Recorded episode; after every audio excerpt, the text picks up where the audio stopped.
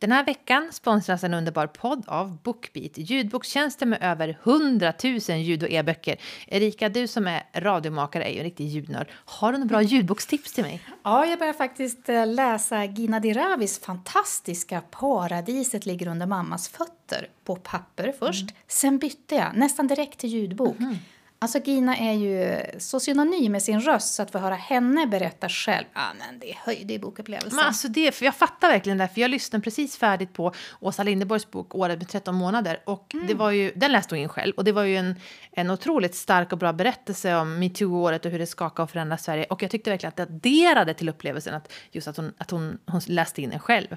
Ah, alltså när lyssnar du på ljudböcker då Klara? Alltså jag lyssnar ju när jag diskar, målar, lagar mat, sitter och kör bil, tränar. Jag har ju inte så många stunder i mitt liv där jag, liksom, i min vardag där jag hinner sitta och läsa men däremot väldigt många stunder i min vardag där jag kan lyssna på någonting. Du då?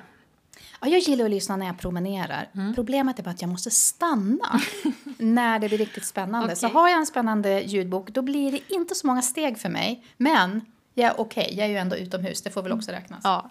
Bookbeat kostar från 99 kronor i månaden och med deras basic-paket kan du lyssna upp till 20 timmar, men sen finns det ju fler typer av abonnemang också. Och om du vill prova Bookbeat gratis en månad så använder du koden En underbar podd. Alltså en underbar podd med små bokstäver och ett D i slutet. Skriv ihop det som ett ord, en underbar podd och den här koden den gäller för nya användare. Gå in på bookbeat.se och börja lyssna.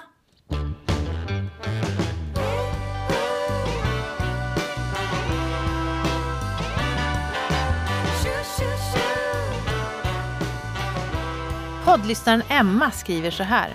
Jag lyssnar gärna på era tankar kring att leva mer kollektivt eller i en stor familj med flera generationer, som man gör i många andra länder. Tack så jättemycket för frågan, Emma. Mm. Det här blir roligt, för det här är lite av ditt eh, favoritämne att prata om och så får du aldrig göra det för att... Det kanske är. Men vad kul. Är det här något jag håller på att tjata om hela tiden? Ja, ja, ja. ja. Ah, Vi i matlaget, vet du vad vi gjorde? och så kom han och så hade de och lagat det. Ja, lite så faktiskt. Eh, jag har lite blandade erfarenheter av att bo kollektivt ska jag mm. säga. Och jag tänkte att jag skulle visa lite mina erfarenheter för dig här som en symbol på ett symboliskt sätt genom att bjuda dig på lunch. Vi träffas i bilen och äter lunch idag. Lite konstigt. Mm. Eh, men det vart så. Vi hade liksom... Vi skulle till flera olika ställen och var enda tiden vi hann spela in en podd var i bilen mellan eh, de här ställena. Men vi står still på parkering nu ska sägas. Ja. Och eh, det första kollektiva vi har gjort är att vi har samåkt hit. Tack för skjutsen Klara. Och i gengäld ska jag då bjuda dig på det här du är med och öppnar. Det står en himla massa gott på påsen. Det var ju en bra start. Åh, gud vad gott. En, en stor räksmörgås. Och så en till. Ja, två stora räksmörgåsar. Du får ta den som är finast. Jag som är Viktväktarna nu undrar ju då hur många points det här är. 52? Nej, det är inte så mycket faktiskt. För det är inte så mycket kladd. Det är mest räkor ah. och sallad och sånt. Jag har ah. förhört mig om det. Ah. Men eh, det här är en bra grej som ju kan hända när man samsas om saker. Man kan bli bjuden på något. Mm, ja, trevligt. Det är så jag uppfattar det i, i, din värld när du pratar om det här att du och dina grannar och vänner i byn ni har matlag. Är det mm. inte så? Ja, jag menar alltså eh, precis. För jag tycker... Eh, jag lever ju ganska kollektivt nu. Har till skillnad från dig inte gjort det när jag var liten. Utan eh, det har blivit sista åren. När vi köpte hus så var min man så här det vore så mysigt om vi hade någon inneboende eller det vore så trevligt om vi hade någon. Och jag kände bara Bleh! det var typ det värsta jag skulle kunna tänka mig. För att, Varför ville han ha det? Nej, men han, han är uppvuxen ganska mycket så. Dels har han varit liksom mycket med kompis, alltså hans föräldrars kompisars familjer på sommaren och liksom bott ihop under perioder och sådär. Han, han, alltså på sommaren och, och så. Mm. Och sen så har de eh, tror jag att om jag inte minns fel så bodde han tillsammans med en annan, hans familj bodde tillsammans med en annan familj i ett hus när han var liten. Så han, är liksom, han är mycket mer, han, hela hans familj är så, de alla har bott i kollektiv och så, de har mycket mer sån kultur. Och jag har absolut inte det och har aldrig känt någon längtan efter att bo ihop med kompisar eller sådär, utan alltid velat ha mitt eget. Men sen så ett tag så jobbade Jakobs pappa i, liksom, i kommunen där vi bor och eh, var tvungen att liksom, jobbpendla långt. Och då så började han bo hos oss under veckorna.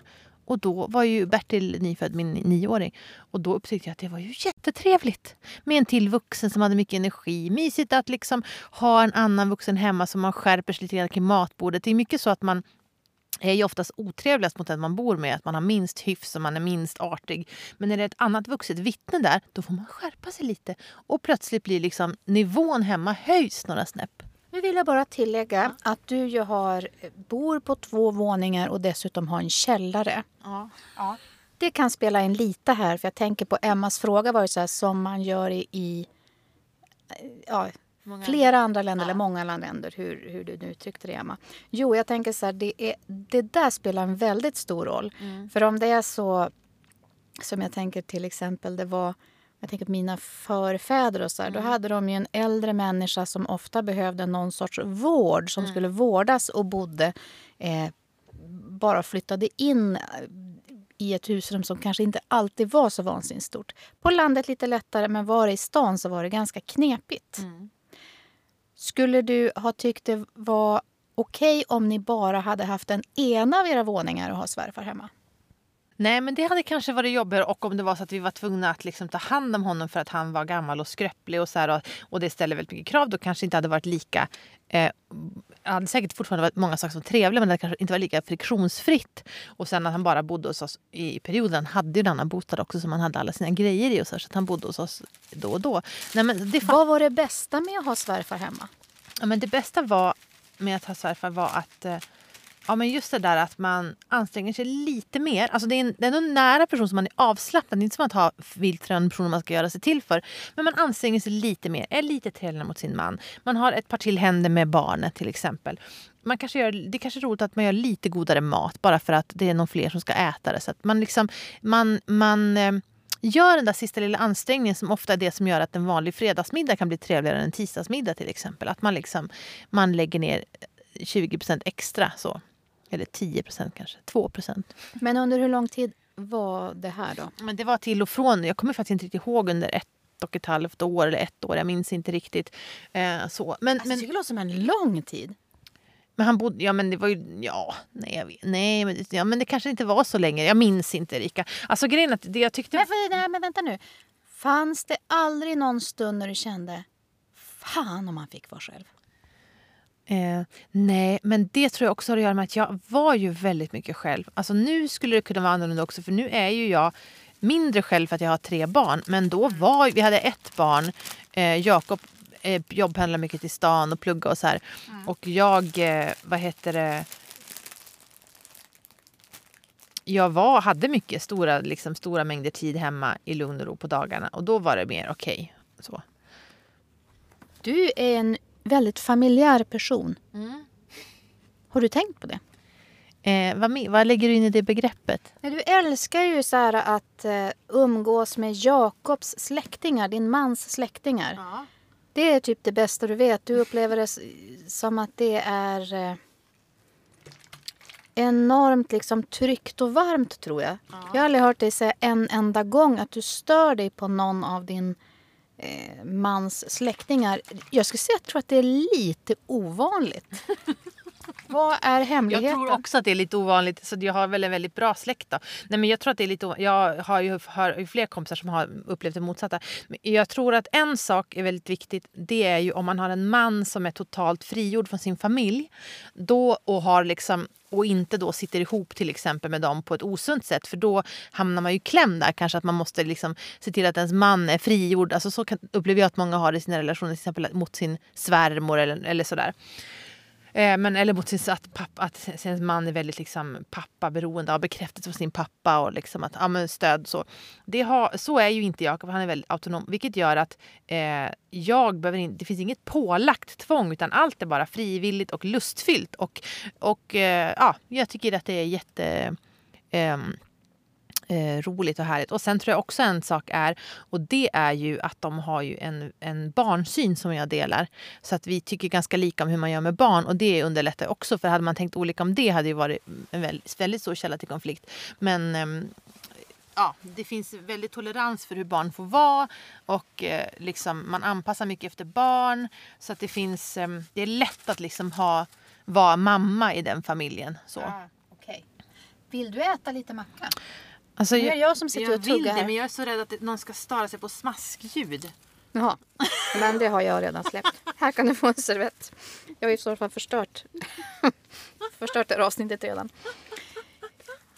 Jo men det där att vi lika värderingar spelar ju naturligtvis roll och det här med hänsyn och allting sånt. Men det kan också bara vara att man i de här små vardagsgrejerna gör olika tycker jag. Jag skrattar så himla mycket åt eh, såna här berättelser om två generationer som ska bo ihop.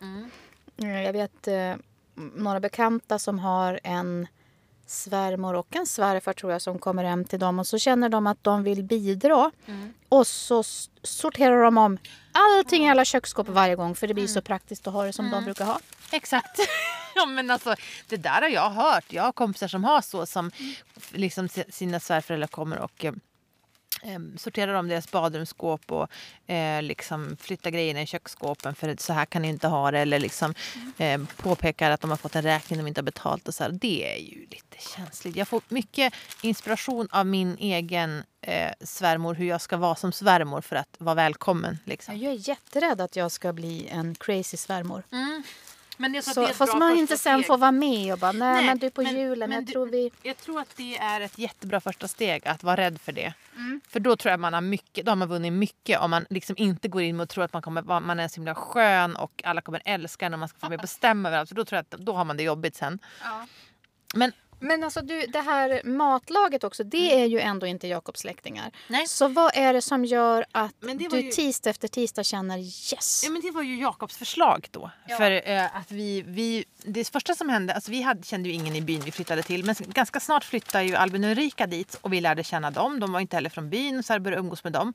Och eh, det jag eh, märkte då som var så skönt att de också var väldigt lika oss på många sätt och att det var väldigt så här som jag, jag tycker att socialt umgänge är bäst tror jag när det är med släkt och nära familj då man kan slappna av för att det, då, då blir det den här tryggheten istället för den här pålagan att man ska som strama upp sig. Utan det blir bara det här att man gör 20% trevligare men, men inte liksom 20% jobbigare utan snarare blir det lite lättare allting. Och det vi hade, som vi hade då med dem var ju omedelbart en väldigt så här, avslappnad relation. Våra barn umgicks mycket. Man kunde komma in i varandras kök och typ gå och hämta något om man hade slut på socker hemma. Eller, alltså, eller liksom låna saker av varandra och det inte var så här noga att får jag tillbaka det nu på tisdag och helt vet, Utan det var mer så, men som man ska kunna göra om det var min syrras familj som bodde i byn till exempel. Och sen efter några år så flyttade Stina och Emil hit. Och det är liksom vi tre som är i matlaget då. Och då föreslog bara Jakob så här, han hade inte ens frågat mig, han bara skrev till alla, ska vi inte ha ett matlag och äta ihop, mat ihop en dag i veckan? Och alla bara, jo vad roligt, det gör vi. Och så Wow, gjorde vi det. wow, Ja. wow. När du då får höra, du Ja. förresten jag har bestämt att vi ska på tisdagar äta med andra varje vecka. Vad var din spontana känsla då? Jag tänkte så här, det kan bli kul, eller kanske lite jobbigt. Eller framförallt så kommer du inte att hålla på så länge. Men nu har vi hållit på i typ tre års tid. Men jag tänkte att det var så tänkte jag. Men jag är ganska sådär, ja men om du styr upp det så gör det. Jag hakar på, det låter kul. Vi har första matlaget hemma hos oss. Och sen så eh, hade vi det och så bara första gången, men det här var ju svintrevligt. Och sen så, så kör vi liksom matlag hos varandra var tredje vecka. Så liksom två dagar... Två, Jaha, jag trodde det var varje vecka. Nej, alltså, det är varje vecka men varje, var tredje vecka får man ordna det för de andra. Ja, ja, för ni är tre familjer som turas Så att n- nästan alla veckor känns det ju som att man blir bjuden på. Som idag, nu ska jag hem. Jag har en jättelång dag i stan, jättemycket jag ska göra, jättestressad. Och så bara, behöver jag inte tänka på maten. Nu tänker jag så här, jag kommer hem, ska jag bara hämta barnen i bilen, ska vi åka, inte ens promenerat, promenerat ta bilen hem till Albin och De har ordnat mat och det är god mat och det är god efterrätt. Det behöver inte vara dyr mat, det kan vara liksom korv och makaroner. Men det är god mat, någon som har tänt ljus, någon som har dukat. Det kanske är glass till efterrätt. Och vi sitter där och surrar det sent på kvällarna. Barnen går iväg och leker eh, med någonting och vi vuxna sitter och pratar och umgås. Och det är så himla härligt för att hela dagen känner jag idag är det matlagsdag och mina barn är också så. Och ehm, eh, just det här att liksom men då, då, där tror jag också nyckeln är att vi har, att vi har liksom, att vi gör det regelbundet så att det är väldigt avslappnat där också. Så att I början var det kanske mer så här att oj, nu har vi matlag. Och så här. Nu kan man ju komma och vara jättesur på sin man och på jätteless på sina tråkiga, sura barn. Liksom, och bara orkar inte med någonting. Och så kommer man dit och är eller skruttig och kommer i mjukiskläder och liksom flottigt hår uppsatt i en tofs. Och, och det tror jag har lite varit nyckeln, att man kan komma dit och vara mer som man är. För annars hade det nog varit jobbigt att varje tisdag. Liksom. Ni har aldrig ätit korv med makaroner? Det har vi visst gjort och det var vi som bjöd på det. Okej. Okay. Ja, ja. Jag, tar, jag backar på den då. Men däremot vill jag ändå påpeka ja. att jag också träffat dig tisdagar när du är lite mer flackande med blicken för då är det du som ska hem och ja. göra ja. matlagsmiddagen. Då är det inte lika roligt. Nej, men då är det lite jobbigare. Fast det är inte, jätte, inte jättejobbigt utan det är mer som... Alltså, eh, det vi bestämde var att det måste inte vara Alltså som sagt, det får vara korv makaroner. Det är väldigt ofta tacos för det gillar alla barn. Mm. Ibland är det någon som orkar göra liksom 13 rätter eh, libanesiska. Oh, liksom, eh, för att någon är sugen på det eller liksom eh, något sånt. Men, men ofta är det så väldigt vanligt. Sist vi hade matlag hos oss då gjorde jag pizza med sån här pizzakit. Du vet, som man bara köper på rulle och bara tjoff, tjoff, tjoff. Och det gick jättebra. Och så Big Pack glass till efterrätt. Det var liksom att få umgås som var grejen. Ja. Alltså jag hade en öppen förskola med en kompis som hette Sustan varje fredag i kanske ett halvår eller mer, mer eller mindre varje fredag. Och då hade vi såna här pizzakit när de var nya. Mm. De hette Sarah Lee, de finns inte längre mm. tror jag. Mhm. Men ja, det var som innan alla hade börjat göra egna mm. pizzakit eller kedjor. Ja, så rullade vi ut en sån och så bara spillde vi på och så var ju barnen så små så räckte liksom med en mm. plåt till samtliga. Mm. Och det här var liksom innan papporna då som mm. Jobbade kom hem. Eh, vi var föräldralediga samtidigt mm. på IG2. Det var supermysigt och så sprang man med popcorn över staketet för hon bodde på andra... Vi hade ett staket emellan oss. Ja, och så hade vi liksom öppen förskola eh, och la en madrass ut från vår vardagsrumssoffa. Så alla de här barnen som var ganska små de kunde liksom rulla på den där madrassen mm. väldigt, väldigt, väldigt länge eh, när vi mammor också då tog ett vinglas där. Mm. Det var väldigt trevligt. Jo, men eh, libanesiskt. Jag känner nu att jag vill också vara med i det här matlaget. Men är det inte... Det sköna är ju tycker jag för att ofta, och det tror jag kommer framförallt när man har barn, att, och speciellt lite mindre barn, att det här, jag menar att ni hade öppen förskola, att man kommer liksom till någon och så bara Nej, jag har glömt blöjor, för jag har ingen barnstol, det finns ingen... Vet, så här. Om, man, om man är hos någon ofta, och så har vi ju i matlaget att Dels finns det ju småbarn, men sen så att man kan liksom inte ta med sig blöjor, behöver inte ta med sig mat, barnmat, behöver inte ta med sig haklapp. Allt finns, det finns en extra barnstol hos alla eh, så att småbarnen kan sitta bra. Och ja, men att det är så att det är då, då startsträckan är inte är så lång. Och det är samma sak där. Om, man skulle, om jag skulle känna typ att jag måste sminka mig inför matlag för att våga visa mig. Då skulle, jag, då skulle det bli för jobbigt. För jag orkar inte alltid sminka mig och ta på mig facet. Jag kan komma dit liksom haltandes, höggravid och jättetrött och slut och bara sätta mig som en stor padda. Och sen har vi en jättebra grej och det är att gästerna behöver aldrig hjälpa till. Så man behöver aldrig hjälpa till med disk, behöver aldrig hjälpa till med mat. Man behöver inte plocka bort, alltså man, man kan göra ju det ändå ibland. Men det är inte som att man liksom för det tycker jag är en sån här stressig grej. Man tänker att vi ska laga mat ihop eller så. Utan nej, man är verkligen 100% gäst och då vet man också att nästa gång är det jag som är 100% gäst. Så. Ni har tydliga regler, det gillar jag. För det är det som jag tror är mitt problem med eh, såna knytkalas och såna grejer. Jag tycker det låter jättemysigt men jag får alltid den här känslan av att jag inte vet om jag ska lägga mig på rätt nivå. Mm. Okej, okay, jag skulle ha med mig en paj, men ska den vara tio bitar eller tolv? Mm. Eh, hur mycket ska jag lägga på den här pajen? Mm. Ska jag med mig en sallad till? Alltså jag blir en sån här som när jag blir bjuden på sånt så blir jag så krånglig för jag ställer så mycket kontrollfrågor mm. så det blir liksom inte mm. roligt. Nej, men jag, det där har jag också varit eh, nervös för. Vi hade ju knytkalas på vårt bröllop. Men då lärde jag mig det av min eh, mans mamma då som eh, de hade ju aldrig pengar när de var små. De hade väldigt mycket mm. fester. Och att det var verkligen så att eh, ehm, Eh, det blir aldrig för lite mat på ett knytkalas. Alla tar med sig det de, det de är bäst på, det de tycker är godast. Och så ställer man ihop det på en stor buffé. Det blir hur bra som helst. Men det, mm, mm. jo, men det blir ändå någon som måste styra upp det så att inte någon kommer med varmkorv och en annan med en prinsesstårta. Ja, men det gör väl ingenting. Alltså, då kan man göra så att alla tar med sig en huvudrätt och en efterrätt till exempel. Okay. Så då löser det sig. Men, men grejen är att det började med matlaget för oss, att vi var väldigt kollektivt där. Liksom, att vi åt ihop. Men sen har det liksom spridit sig ännu mer ut. Dels har vi ett företag tillsammans med Albin och Rika för vi har jordbruket ihop.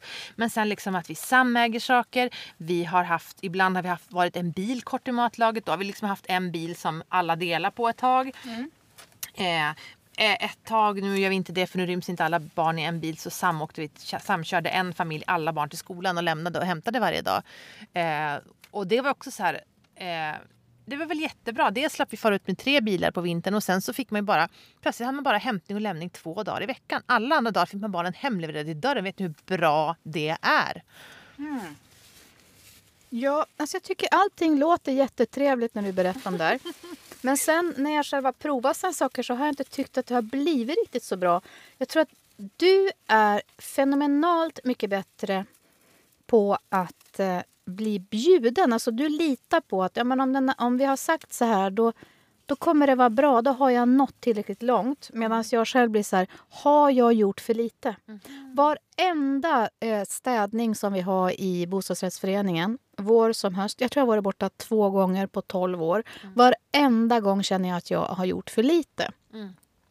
Inte sen jag flyttade hemifrån för mina föräldrar har jag känt en enda gång att det känns okej okay att jag tar någonting ur någons kylskåp utan att fråga. Mm. Inte ens eh, Peter om han har köpt dricka eller godis eller så. Jo, godis står framme i skål, tar jag naturligtvis. Men om han har köpt såna styckesaker. Mm.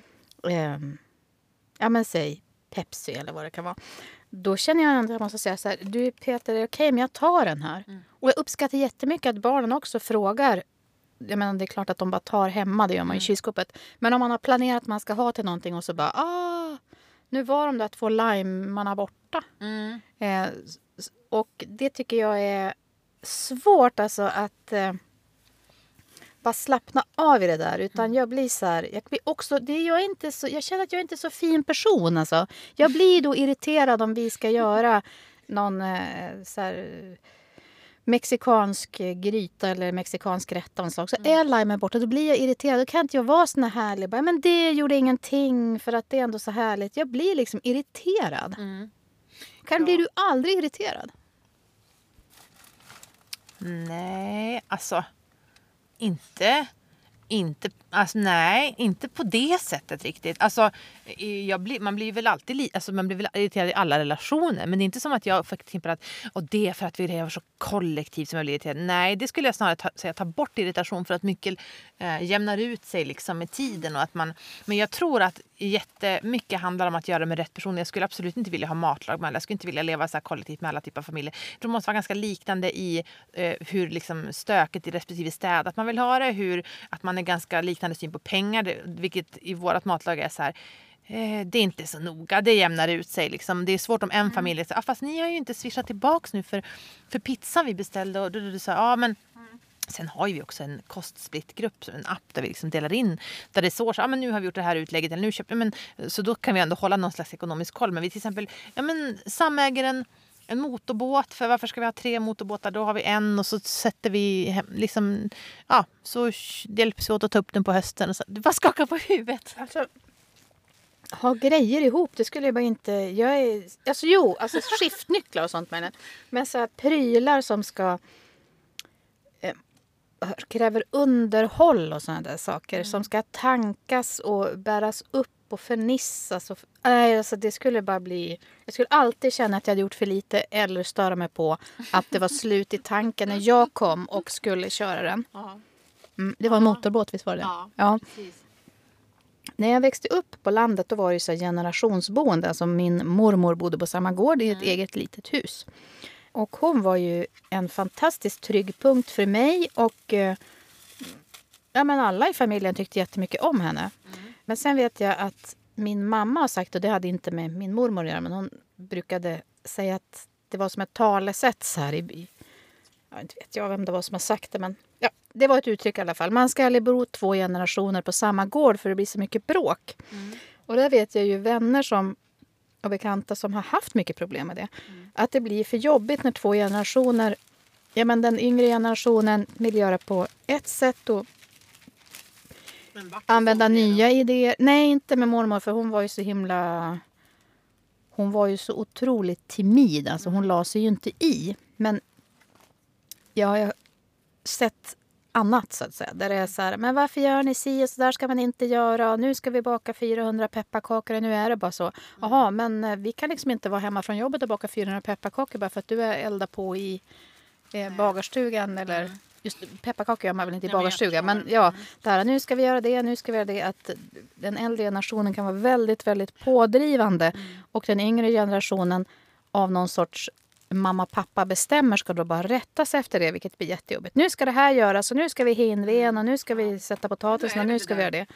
Och då, då, det är ju superjobbigt. Då, då, då var det väl den där nyckeln att det funkade mer mormor för att det funkade ju personlighetskemimässigt. Mm. Alltså, mm. det är det som blir då att då är det ju, om det inte är så så kommer det, det kommer inte funka. Man, det, får inte, det får inte vara tvunget för då kommer det inte funka. Det måste vara liksom att, att man passar ihop mm. med kemin liksom. Ja, förlåt, jag avbröt dig. Vill du dricka lite? För du har fått en macka, men det här är liksom... Oh la la. Tack. Tyckte du att det här var oh la la? Mm, vatten. 20 centiliter på två personer. Men, För så kan det också bli när man bor kollektivt. Kan dela, eller har du koppar här? Man kan ju också upptäcka att man hade köpt kanske en del dricka och ställt in i sitt kylskåp och så var det bara borta. Det hände mig ganska ofta när jag bodde kollektivt på folkhögskola. Mm. Då hade jag ju inte valt vilka jag skulle bo med. Nej. Utan eh, helt plötsligt när man kom och skulle ha sin ketchup så var just ketchupen väldigt ofta slut. Mm. saltet försvann väldigt ofta. Mm. Och att behöva gå och leta sina mm. egna saker för att annan flyttar Sånt där blir jag tokig jag, på. Ja, men det, det var precis, jag har aldrig velat bo i kollektiv som sagt.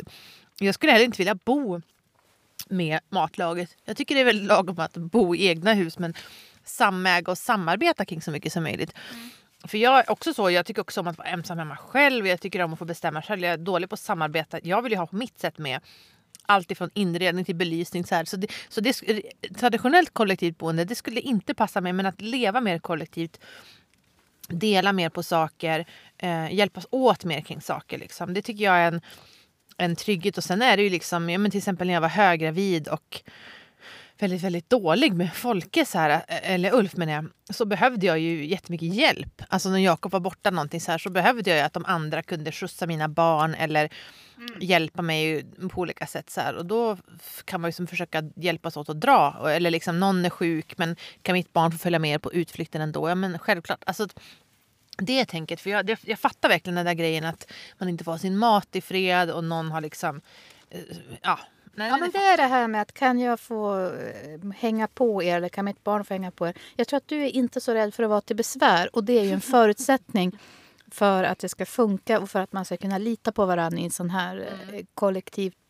Men ni har ju byggt upp det själv också, mm. säger du. Med. Mm. Nej, men jag tror att när jag bodde i kollektiv under mm. två års tid Dels var det inte personen jag själv hade valt och det fanns inte just något alternativ heller. Att bo i egen lägenhet, då ska jag pendla vad blir det, kanske en och en halv mil? Nej, en mil var det nog mer. Det funkar liksom inte. Det var så man gjorde där. Mm. Och det var ju otroligt roligt när man hade fest. Mm. Otroligt tråkigt när man skulle betala telefonräkningen. Mm. Därför då var det fortfarande på de fasta telefonernas tid. Vi hade en gemensam telefon som gick ut på att eh, man skrev upp när man ringde och så delade vi det där. Det var bara det att andra året särskilt så skrev i princip ingen upp när de ringde. Och jag som då var eh, vad heter det, husäldste, nej men det var på min lott. Och det hade ju uppenbarligen ringts en massa samtal men nej, det var ingen som hade ringt. Så blev det bara som att mm. jag fick betala det. Typ. Nej, men alltså, jag fattar. Nej, men så, nej, usch vad jobbigt. Hur? Och då blir det så att man tycker lite sämre om människor då. Ja. Det är det servett. Här. Ja, men gärna, tack. Så. Men jag tyckte att det var fantastiskt kul att gratis då få kontakt med folk. Mm. Jag är uppväxt som sagt på landet och där fick man ju liksom jobba själv hela tiden. Man var väldigt drivande för att det skulle hända någonting socialt. Mm. Det hände inte så mycket gratis. Mm. Och det tyckte jag var otroligt skönt. Att det kunde finnas ett gemensamt vardagsrum. Mm. Det gillade jag. Mm. Däremot så hatade jag gemensamt kök. Mm.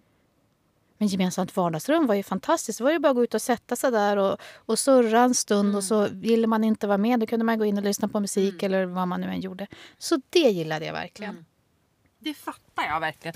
Jo men, eh, men, men vad fanns det, alltså vad... Um vad tänker du? Jag menar jag tycker att du säger att du inte har, du har valt bort att leva kollektivt generationsboende fast jag tycker att det är inte är jättelångt ifrån hur du har det med din mamma. Ni bor ju jättenära din mamma och dina barn har ju gått dit efter skolan. Alltså fast när ni bodde på samma gård men det är ju inte långt ifrån. Nej. Det tycker jag är helt fantastiskt att bo nära varann. Mm.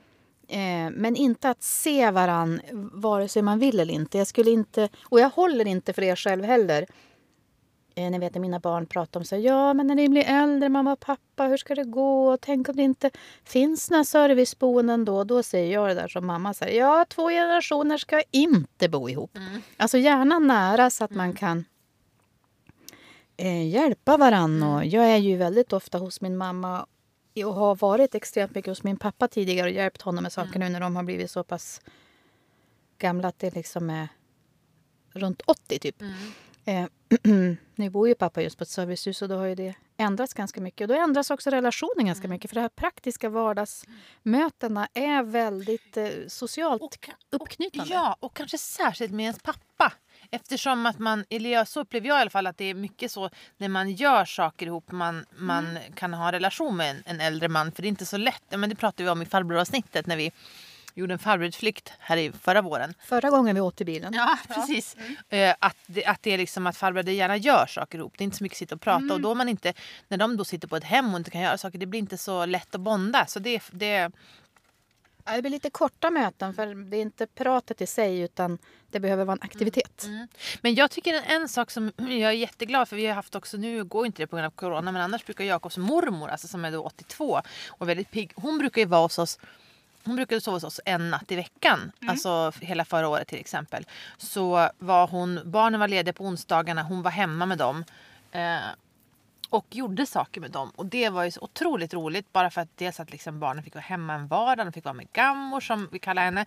Och de, hon hade fullt fokus på dem. Och eh, ja, just det där att jag kanske lagade till en lite godare middag. Jag orkade stryka en duk och lägga på. Alltså det blev bara lite det här, lite mm. kvalitetshöjningen liksom.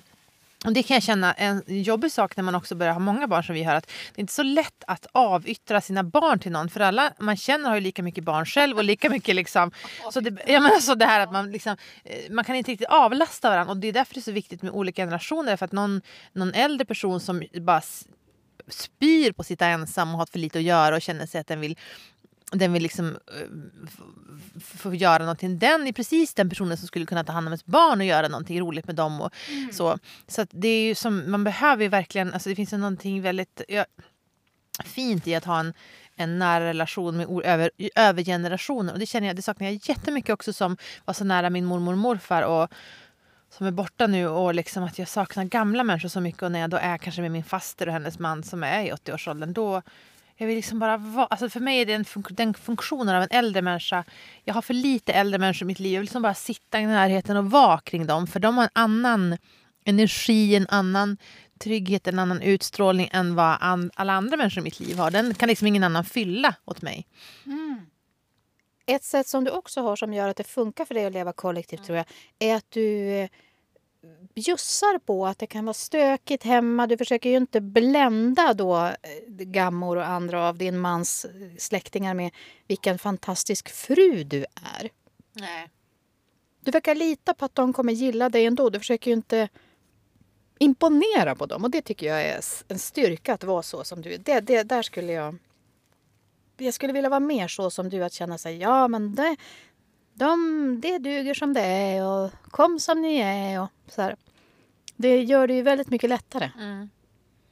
Men, Men, det handlar jo, det gör det. Och det handlar också om att de man bjuder hem i sin tur inte går runt och drar med, med fönster på fönster, fingret på fönsterblecket och bara här behöver det dammas, oj oj oj, hinner ni inte städa? Alltså, du vet, så det handlar ju det handlar både om att våga visa upp det men när man då visar det för någon att den personen kan ta emot det och liksom inte då kommer med sina krav och förväntningar. Så det är ju liksom, eh, jag, det var en kompis till mig som frågade så här, jag skulle ha matlag men jag är så rädd att det ska bli liksom att vi ska liksom försöka bräcka varandra i eh, jag ska göra älg och du ska göra det, det, det. Så bara, ja, men om du känner så då har du matlag med fel kompisar. Om det handlar om någon slags skryt eller visa upp.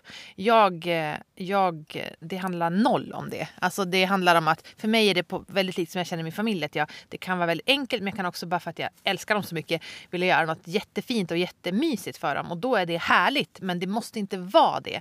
Och det handlar inte om att kolla vad gott om pengar vi har. Vi kan minsann äta högrev eller mm, det kanske inte är så dyrt i och för sig men vi kan äta. vi kan, kan äta oxfilé. Ja men ja. du förstår. Ja. Så. Jag är väldigt nöjd med att vi har några vänner som vi brukar bjuda över. Som, ja, vi har ju då barn i samma ålder där det är den här nivån. Köp med er egen pizza. Mm. Och så kan vi äta den hemma hos oss. Så vi bjuder på något gott att dricka. Mm. Ändå blev det så förvirrat så att pappan ringde upp mig och sa så här. Alltså hur menar du? Ska vi köpa pizzorna och så kommer vi till er? Jag bara nej, ni köper er pizza Och så köper vi våra pizzor. Ja. Och så behöver ingen tänka åt någon annan utan alla bara kommer med en pizza man gillar. Så bjuder vi på tak och golv och något mm. att dricka. Ja. Fy vad fint. Det är ju perfekt. En annan gång så ställde vi fram ett mackjärn och massa toast, ost och oh, eh, vad säger jag, ost, smör, toast. Ja, du fattar. Så kunde man bara göra sin egen macka. Man fick man göra jobbet ja. själv. Men det är, sånt där tycker jag är jättehärligt. Men de som inte tål det eller inte vill det, de kan man inte ta in i den gemenskapen. För då, då blir det det här, vad förväntas och du är besviken och jag känner mig besviken. Och Men det, det, där älskar jag. Det tycker jag är det bästa formen av umgänge när det kan vara så. Sen kan man också få för sig att laga en trerätters någon gång och överraska. Men, men nivån, är, det är helt okej okay att det är på den nivån liksom. Och det kan vara köpeskex och det är ballerinakakor och det är liksom transfetter och palmolja som bara sprutar ur öronen. Det är ingen som dömer en. Kan vi ta kaffe då på det? Ja, men det gör vi. Men, men det är ju typ ingenting. Nej, men nu lever vi kollektivt här. Då sa jag att till hon kaffeförsäljerskan. Ja, vi köper en kaffe men vi delar upp den på två muggar. Kan jag få en extra mugg? Ja, men, så här kan det eh, också vara. Ja. Att uh, man, man får ibland mer varsin stor härlig macka och så delar man på en halv kaffe. Det är lite, jag tycker kollektivt är verkligen ge och ta. Men det bästa med för mig att bo kollektivt det var ju faktiskt att jag hade ju aldrig träffat min man Peter om det inte var för det. Bodde han i samma kollektiv? I samma hus baby.